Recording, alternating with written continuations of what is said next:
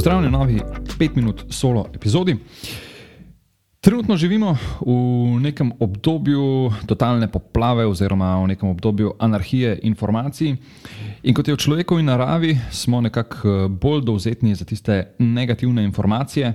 Um, verjetno je temu kriv nek preživetveni nagon, ki se nam je razvil tekom, tekom evolucije človeka.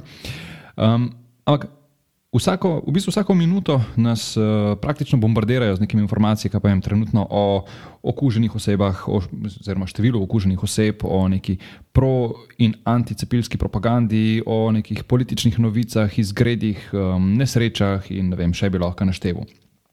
O tem, da se je vredno ukvarjati le s stvarmi, na katere imamo vpliv, smo govorili že v eni izmed preteklih epizod, tako da vas vabim, da si jo poslušate, okolikor vas to zanima. Danes pa bi nekako razmišljali o tem, kako v bistvu ob vsem tem, ob vseh teh novicah, ob vseh teh dogodkih nekako ohraniti mirno glavo oziroma mirno kri. In glede na to, da eh, nekako mi je preberanje knjige Daily Stoic del moje jutranje rutine, in glede na to, da spremljam Rajana Holidaya, ki je avtor te knjige že kar nekaj časa, sem malce preveril, kakšni so njegovi nasveti glede ohranjanja mirnosti, oziroma običajno niso to čist njegovi nasveti, ampak on običajno interpretira um, starejšo stoično filozofijo. Um, tako da ja.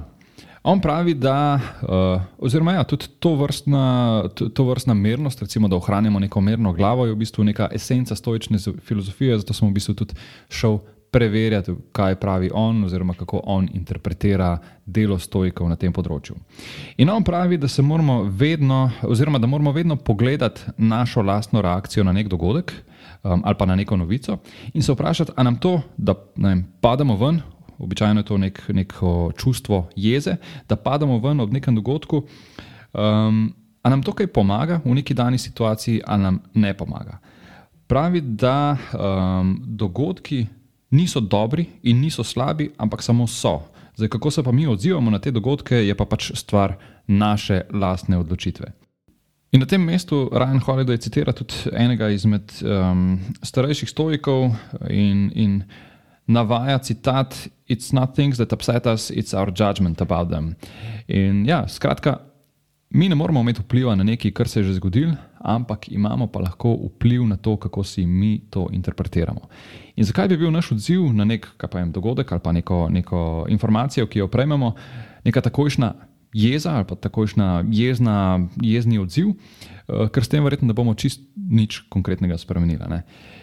Um, zdaj, moramo se seveda zavedati, da. da In niti ni mišljeno, da bi zdaj s prakticiranjem takšnega načina odzivanja sto procentno znižali neke, ali pa čisto reducirali neke jezne reakcije. Vedno so dogodki in vedno bojo dogodki, ki nas bodo spravili iz tera, ampak lahko pa te dogodke precej zreduciramo.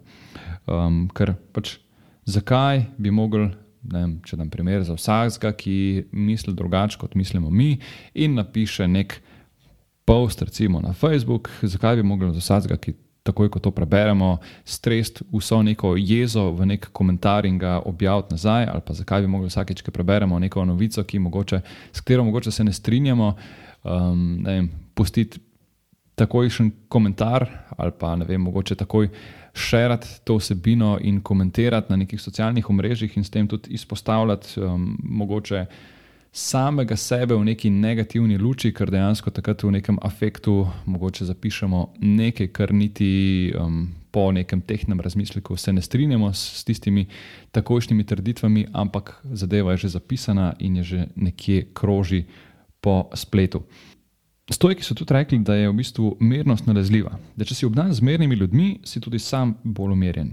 In verjamem, da velja enako tudi v obratni smeri. Se pravi, če si obdan z nekimi jeznimi, vročkrnimi ljudmi, da tudi sam začneš postajati del te svoje okolice. Tako da, ja, dajmo poskusiti, poskusiti uh, kontrolirati odzive na dogodke in informacije, ki jih srečujemo tekom dneva. In če se vsak dan popravimo za en procent, bo to, um, recimo, po enem letu ali pa bo po enem letu naše življenje precej bolj umirjeno. To je to za danes in se slišimo spet v prihodnji epizodi. Še ena zadeva, preden greš, oziroma dve zadevi, preden greš. Najprej res hvala za poslušanje podcasta. Če ti je bila epizoda všeč, te vabim poslušati ostalih epizod, tistih, ki so že objavljene in tistih, ki še bodo. Hkrati pa te prosim, da na svoji podcast platformi podaš oceno oziroma pustiš komentar ali pa mogoče še več, da deliš podcast s svojimi prijatelji oziroma osebami, za katere meniš, da bi jih utegnil zanimati. In mi tako pomagaš pri širjenju prepoznavnosti podcasta. Še enkrat hvala in se slišimo v prihodnji epizodi.